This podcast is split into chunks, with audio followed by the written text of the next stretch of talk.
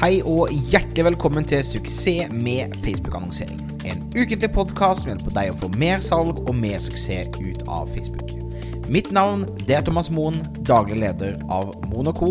Vi hjelper bedrifter å lykkes på nett. Om du er helt ny på annonsering, så anbefaler jeg å gå til thomasmoen.com minikurs for en gratis introduksjon. La oss sette i gang med ukens episode. I denne episoden her så skal vi snakke med en utrolig spennende person. Vadim Bjarkum har jobbet i Facebook. Og Han har rådgitt meg i Facebook faktisk eh, i back in the days, og jobber nå i dag for eh, netthandelsgruppen. Head of Emerging Concepts er tittelen hans. Netthandelsgruppen er i mine øyne en av de aller beste nettbutikkene i Norge når det gjelder eh, å skape salg via betalt annonsering. Det vil si primært Facebook, men andre. De driver da tights.no og comfyballs.no eh, som nettbutikker. Jeg snakket med Vadim en stund tilbake i forbindelse med en workshop jeg hadde sammen med Inevo, der vi møtte mange kule netthandelsgründere og mennesker som jobber med netthandel. Og meg og Vadim snakker bl.a. om hvordan da netthandelsgruppen jobber med å eh, bygge business via Facebook-annonsering, og hvordan de har gått fra 0 til 100 millioner i omsetning. Så eh, uten mer intro enn det, la oss hoppe inn og høre hva Vadim Børkum har å si om Facebook-annonsering. Ok, folkens, da er vi live igjen fra Inevo, og um, i dag snakker vi med uh, Vadim Bjark Bjarkum. Bjarkum, der er det Gud. Bjarkum. Bonuspoeng for å naile på første. Um, ok, Vadim. Um, vi kan kanskje starte Altså, du jobber i netthandelsgruppen i dag. Det er uh, kort om hva netthandelsgruppen er. Yes, Netthandelsgruppen er i praksis en netthandelskjede. Ja. Vi driver et par ulike konsepter i Norge med alltid mål å ekspandere til å drive med mer. Uh, begynner jo å nærme året på ganske mye omsetning også, så er vi ganske fornøyd. Vi driver Tice.no. Det Ja. er den konseptet som er mest kjent. Trening for jenter er hovedsakelig det vi holder på med. Og så er det også Comfyballs, som er konsept nummer to. Comfy balls. Mm, som er de to største. Har vi nylig kjøpt opp Zoma, da, som er et um, helsekostkjede helsekostkjede på nett. Som jeg tenker Kult. vokser ganske mye. Så, så primær, ja, riktig. Sånn, så klær og helse, Ja. På en måte. Spennende. Og, og du har en litt sånn spesiell bakgrunn, for jeg skjønner, jeg skjønner at du, begynte i, i jobb i nettlandsgruppen, og så ble du um, tatt over til Facebook. Mm. Uh, og Carl Philip uh, mente at det var en veldig spennende historie bak det, uh, så vi har skyhøye forventninger nå. Men hvordan i all verden var det du endte opp fra å liksom jobbe i netthandelsgruppen til inn til Facebook? Ja, sånn, ja. Nei, det som alt begynte med, var at jeg eh, gikk jo på skolen, da, på Høgskolen Kristiania. Og ble litt kjent med KP, ble kjent med andre i klassen, som ledet med litt sånne prosjekter på siden av skolen. da, Hvor du jobbet med næringslivet, du hjalp litt til. For det er jo så høyt etterspørsel etter folk som kan sosiale medier. Mm. Og det ledet meg til at jeg ble kjent med Per William Frøysland, da, som er daglig leder i Nettlandsgruppen. Ja. Og man spurte om du ville begynne å jobbe her, kom på et intervju. Ting gikk egentlig veldig fint derfra. Og så jobba jeg der en periode, da. Jeg tror det var rundt et og et halvt år, litt over det. Og der hadde vi jo en person i Facebook som hjalp oss, som det ofte er vanlig i de større konsernene. At du har en person som er kontaktpersonen din i de firmaene. Ikke sant? Um, tok jeg var et raskt spørsmål til henne. Du, jeg kunne tenkt meg å begynne å jobbe i Facebook. Hva er det som egentlig må til? Jeg er superinteressert i å bare høre og prøve, da. For hele greia virker jo absurd. Det er ingen som ser for seg at du kan jobbe et sånt sted, sånn som Google og sånn. Det er som en sort boks for de Ja. fleste. Mm. Jeg tenkte jeg i hvert fall skulle prøve, da. Eh, Så gikk jeg for det, og så gikk det ganske fint. Så begynte jeg der. Det er ikke noe overdramatisk, spør du meg, da. Men um, Hva, hva er største forskjellen Mm. på å jobbe utenfor Facebook og inni Facebook, hvis man jobber med Facebook? Ja, det er klart at du vet mer.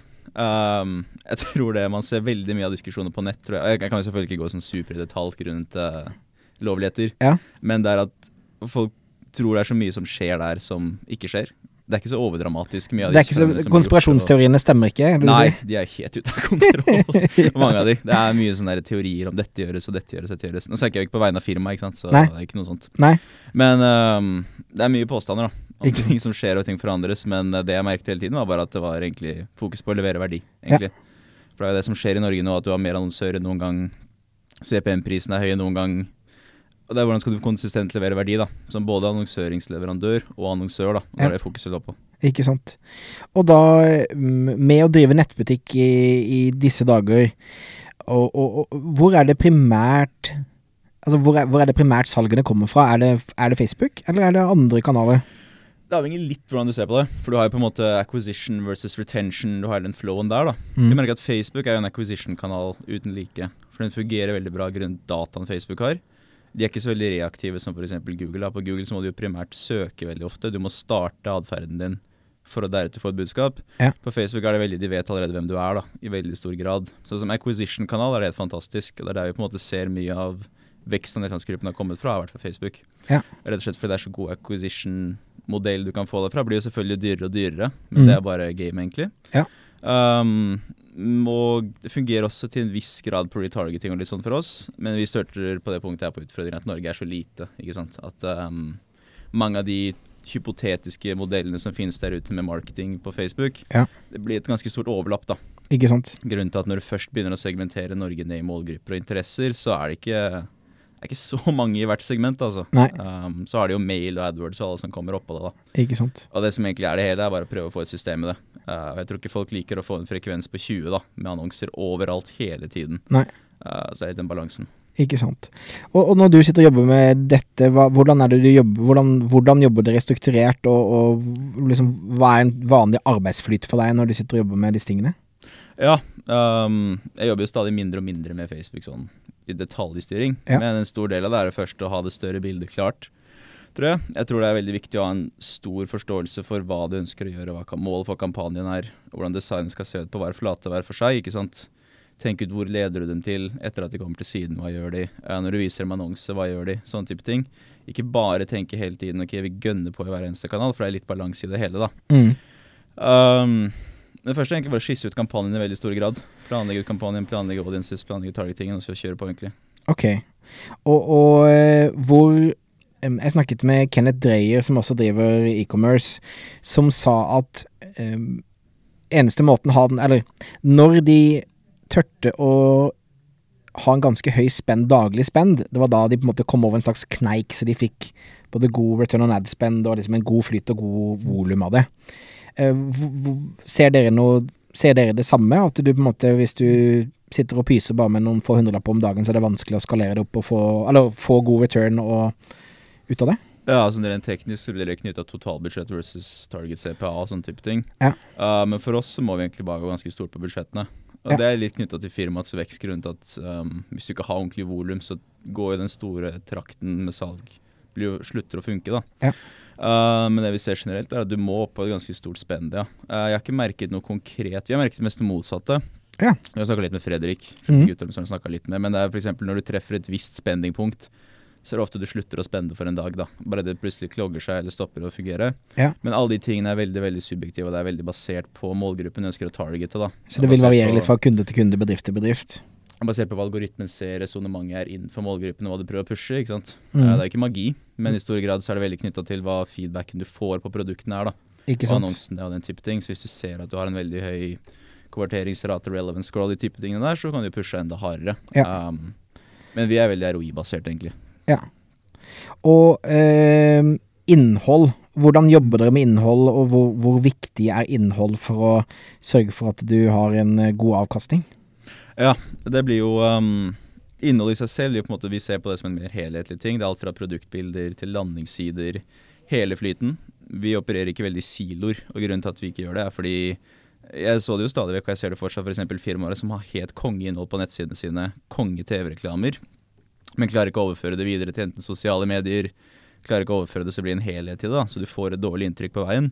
Og det er ikke helt måten vi jobber. Um, vi sørger for at alt fra første annonsen du ser på Facebook, til landingssiden du kommer til, til produktet du kommer til, og hele flyten av nyhetsbrev du skulle få videre, er høy kvalitet grafisk. Ja. Um, Har du da egne grafikere som sitter og jobber kun med å få ting til å se helhetlig og sexy ut, eller? vi har begynt å få mer av det. Ja. Uh, veldig fokus på produktsiden. Uh, mange ambassadører som jobber for oss og hjelper oss med innholdsproduksjon der. Shoots som holdes. Um, men alt har jo selvfølgelig som mål å være salgsfremmende, da, eller bygge opp merkevaren. Vi gjør ikke veldig mye aktivitet som du kan kalle sånn i rent eh, som postes sosialt, du kan si på en Facebook-side. Ikke sånn torsdagsvaffel og sånn trivelige greier. Det er mer eh, taktisk. Uh, det er fordi Vi gjør selvfølgelig en stor del av det. Eller gjør det til en viss grad. Vi har for ansatte som holder i det, blant annet. Ja. Men det er selvfølgelig ikke noe prio å skalere opp.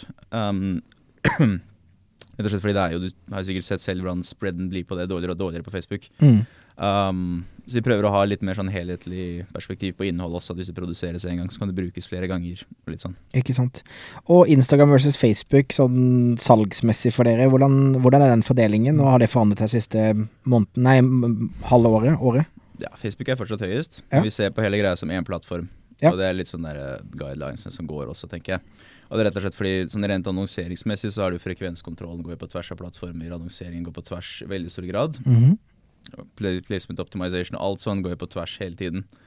Um, og for oss så føler jeg at det skal, skal være helhetlig, da. Du kan selvfølgelig argumentere for at Instagram er litt mer personlig, eller kanskje litt mer glossy, den type ting.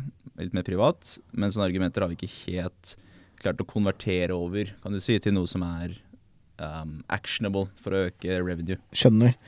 Og, og, da eh, forstår jeg det sånn at dere bruker bare automatic placements og sånn på Facebook også når dere kjører annonsene? Lar Facebook styre det meste, eller? Ja. Det, før, det er mange av de tingene som var før, var det aktuelt å tweake på. Ja. Og da hadde jo f.eks. alt fra skru av sidekolonnen, sånn type ting. Ja. Men mye av den frekvenskontrollen gjøres bare av Facebook. Det, noe, det blir bedre og bedre hele tiden. da. Ja, jeg skjønner. Ja, Det er bedre å heller bare la den holde på, istedenfor å tweake for mye lenger. Ikke sant. Vi fikk inn et spørsmål her fra Annabelle, som driver online-kurs og når ut rimelig stort. Hun er kun på Facebook og lurer på, på måte, det å være på flere kanaler. Hvor viktig er det um, for dere? Det er veldig viktig. det er veldig viktig. Vi er jo selvfølgelig en online player primært. Det er jo ikke noe vi er ikke en aktør som du veldig ofte ser i retail-butikker eller lignende fordi vi er en e-com, og der vil jo korteste kundereise være online. Men hvis du f.eks. ser på alt fra eh, AdWords til e-post, alle disse typer tingene, kanskje til og med leke seg med outdoor, da, det er veldig store ting, tror vi. Fordi vi har ikke um, Selv om jeg har jobbet i Facebook, så har jeg ikke overbevisningen om at liksom én kanal er måten å vinne. Det handler på en måte primært om å levere verdi til kunden eller målgruppen på tvers av alle kanalene. da. Finne ut hvor de er, hvor de setter pris på å få budskapet, hva slags budskap ønsker de hvor. Og det er litt det man må reflektere over. da. Jobbe seg litt den veien. Istedenfor å si 'jeg skal bruke denne kanalen', og dette er alt jeg skal bruke. Men heller tenke, tenke litt om the channel. da. Tenk alle veier leder på en måte til målet. Ja. Hvor er det optimalt for meg å investere? da? Og Da er det bare å analysere tallene over tid. Ikke sant. Og, og hvor mye tid og energi bruker dere på å analysere tallene og forstå, og endrer det seg ofte? Det er veldig mye. Veldig mye av taletiden vår går til det. Um, og Grunnen til det er på en måte at vi på en måte jobber veldig i arbeidsflyten, planlegging, gjennomføring og så analyse av det. Fordi uten de tre så får du på en måte ikke en helhetlig arbeidsflyt. da. Det er ikke noe vits å bli stuck in loop at du gjør noe du tror du funker om og om, om igjen, Ja. og så reflekterer du ikke over om det faktisk funket. Og Der er det både en breakdown av uh, high level-kopier, sånn som revenue og sånne type ting som er veldig i den type uh, over lengre perspektiver som en uke, måned. Og så er det også mikroting, f.eks. split-tester, små variasjoner i kreativer, alle sånne analyser som gjøres. da. Um, og det er noe vi kommer til å fortsette med hele tiden. Og det er også noe vi prøver å knytte opp mot mer helhetlig makrodata. For eksempel, det er veldig lett tror jeg, å fange, opp, fange seg veldig i mikrodata hele tiden og tenke på ok, dette økte konverteringsraten med så mye. Denne aden hadde 1% mer klikk-through, og tenke bare på de tingene. Men jeg tror det er veldig mye å hente i å løfte blikket litt. da, Og se på hvordan målgruppen resonnerte med det. Hvordan resonnerte det her med brandet ditt. Hvordan knyttes det her opp mot din helhetlige strategi? Og det tror jeg fortsatt er veldig mye å hente der ute blant større enterprise-firmaer og lignende også. At du har en veldig helhetlig markedsstrategi. At det er ikke veldig siloer, da. Smart. Eh, to spørsmål eh, helt på tampen. her. Første, hvor eh, finner du inspirasjon, eller får du bare det av å teste og jobbe med tingene sjøl? Det er en miks. Um, jeg prøver å lese veldig mye også. Det er selvfølgelig en blanding av det og liksom, fagmiljøet vi har på jobben. Prøve å finne andre fagmiljøer og alltid prøve å pushe seg litt. da, Finne alltid nye folk å snakke med og se hva som er der ute. Og det andre tror jeg er egentlig bare å lese mye bøker. Um, alltid tenke når noen beskriver et scenario. Kanskje jeg kunne testet det selv. Hvordan kunne jeg snudd på det her til å fungere? Jeg finner i stor grad at det er veldig mange av de tradisjonelle markedsføringsprinsippene som fortsatt er veldig relevante. Ja, ja. Um, og det er bare å prøve å tweake de til å funke online, da. Um, alltid på en måte ha et overall mål du jobber mot, og så prøve å dele det opp i mindre mål. Jeg tror bare sånn Overall så prøver jeg å være veldig forsiktig med å være for detaljstyrt. Um, rett og slett fordi du ender fort opp med å bli blindet da, av å alltid ikke-detaljer. Store penselstrøk. Ja, ikke sant. Og det er litt sånn, Når du skal prøve å drive, drive et brand fremover, da, jeg tror det fokuset bør ligge på å løfte brandet som helhet, og ikke bare f.eks. Ok, jeg skal få Google-kanalen min til å være helt eksepsjonell, da. Ikke sant. Og da siste spørsmålet. Eh, for folk som sitter helt i startgruppen, alltid mange av de eh, som skal starte nettbutikk. Hva er det som de to-tre quickest vinnene de må nødt til å få opp, tror du, for å få få i gang litt salg. Ja, for en litt salg. Um, lær lønnsomheten din. Uh, det er det første. Hva mener du med det? Uh, det er eksempel track hva du sitter igjen med av profitt. Eksempel mange feeder jo ikke profitt i Facebook, de feeder bare revenue. Ja. Da kan det se veldig lyst ut, men realiteten er at du tjener ikke penger. Du taper penger på produktet ditt. Ja. Ha en oversikt over hvor mye du sitter igjen med hver måned. Jeg er veldig veldig klar på det. Mange opererer i sånne hypotetiske lifetime value-modeller og lignende. Mm. Det er penger inn og penger ut på slutten av hver Ja, måned. ja. Er det budsjettet her. Return on ad spend. Mm. Mm. Nummer to, det er helt klart for meg å bare spørre kundene dine hele tiden. Snakk med kundene, spørre kundene. Tenk på hvem kunden din er. Jobb deg den veien. Ikke lag noe, test tilbake bakover og håp det treffer. Prøv heller å tenke hva folk trenger av nettbutikken din, og jobb deg den veien nedover. Og Det er litt sånn Amazon-approachen, og det sier nesten litt seg selv, men jeg tror så mange er så opptatt med å teste ting at de tenker aldri på å spørre de de faktisk selger til. Sant. dette er hva som funker. Ja. Og det tredje er egentlig bare Ja, ikke gi opp, egentlig. det meste går i dass. Ja. Det meste går i dass. Du tester det, det funker ikke. Jeg testet tre ganger til, og så funker det. Og så er det bare om og om, om igjen, egentlig. Det er det som funker. Jævlig bra. Tre- Tredje siste rådet likte jeg spesielt godt, for jeg tror det er veldig mange som gir seg for tidlig, Mm. og, og som ikke eh, eksperimenterer nok til å få det til liksom å sitte. Ja, det er litt den. Det er litt sånn du kan tweake litt på løsningene et par ganger også. For du sitter det er ikke sånn OK, vi testa retargeting. Det funka ikke. Da slutter jeg med retargeting. Test et par ganger variasjoner, ulikheter. Og hvis det ikke funker, så funker det ikke. Men jeg har i hvert fall prøvd alt, da. Ikke sant. Glimrende, Wim. Takk skal du ha. Nei, null problem. Det var bare hyggelig. Awesome. Tusen takk til Vadim, som droppa mye knowledge inn til oss eh, denne gangen. Eh, takk for at du stilte opp, og sjekk ut eh, netthandelsgruppen.no hvis du vil vite mer om hva de gjør. Takk også for at du lyttet på denne podkasten. Husk at den kommer ut hver eneste onsdag. Har du spørsmål, ting du lurer på, kan du sende mail til thomas at thomasmoen.com. Kom gjerne med forslag til temaer, den type ting. Jeg vil også minne om at vi nå har kapasitet til å ta inn to nye byråkunder, så hvis du har lyst til at vi håndterer all Facebook-annonsering for deg, så kan du sende oss en mail til thomas at thomasmo.com, og så kan du se om vi kan være en god match. Ok, det var altså ukens episode. Ikke glem å abonnere. Ikke glem å glede deg til neste onsdag. Og ikke glem å fortsette å jobbe målbevisst for å gjøre hver eneste annonsekrone litt mer lønnsom. Vi snakkes snart. Ha en fantastisk dag, og ha det fint.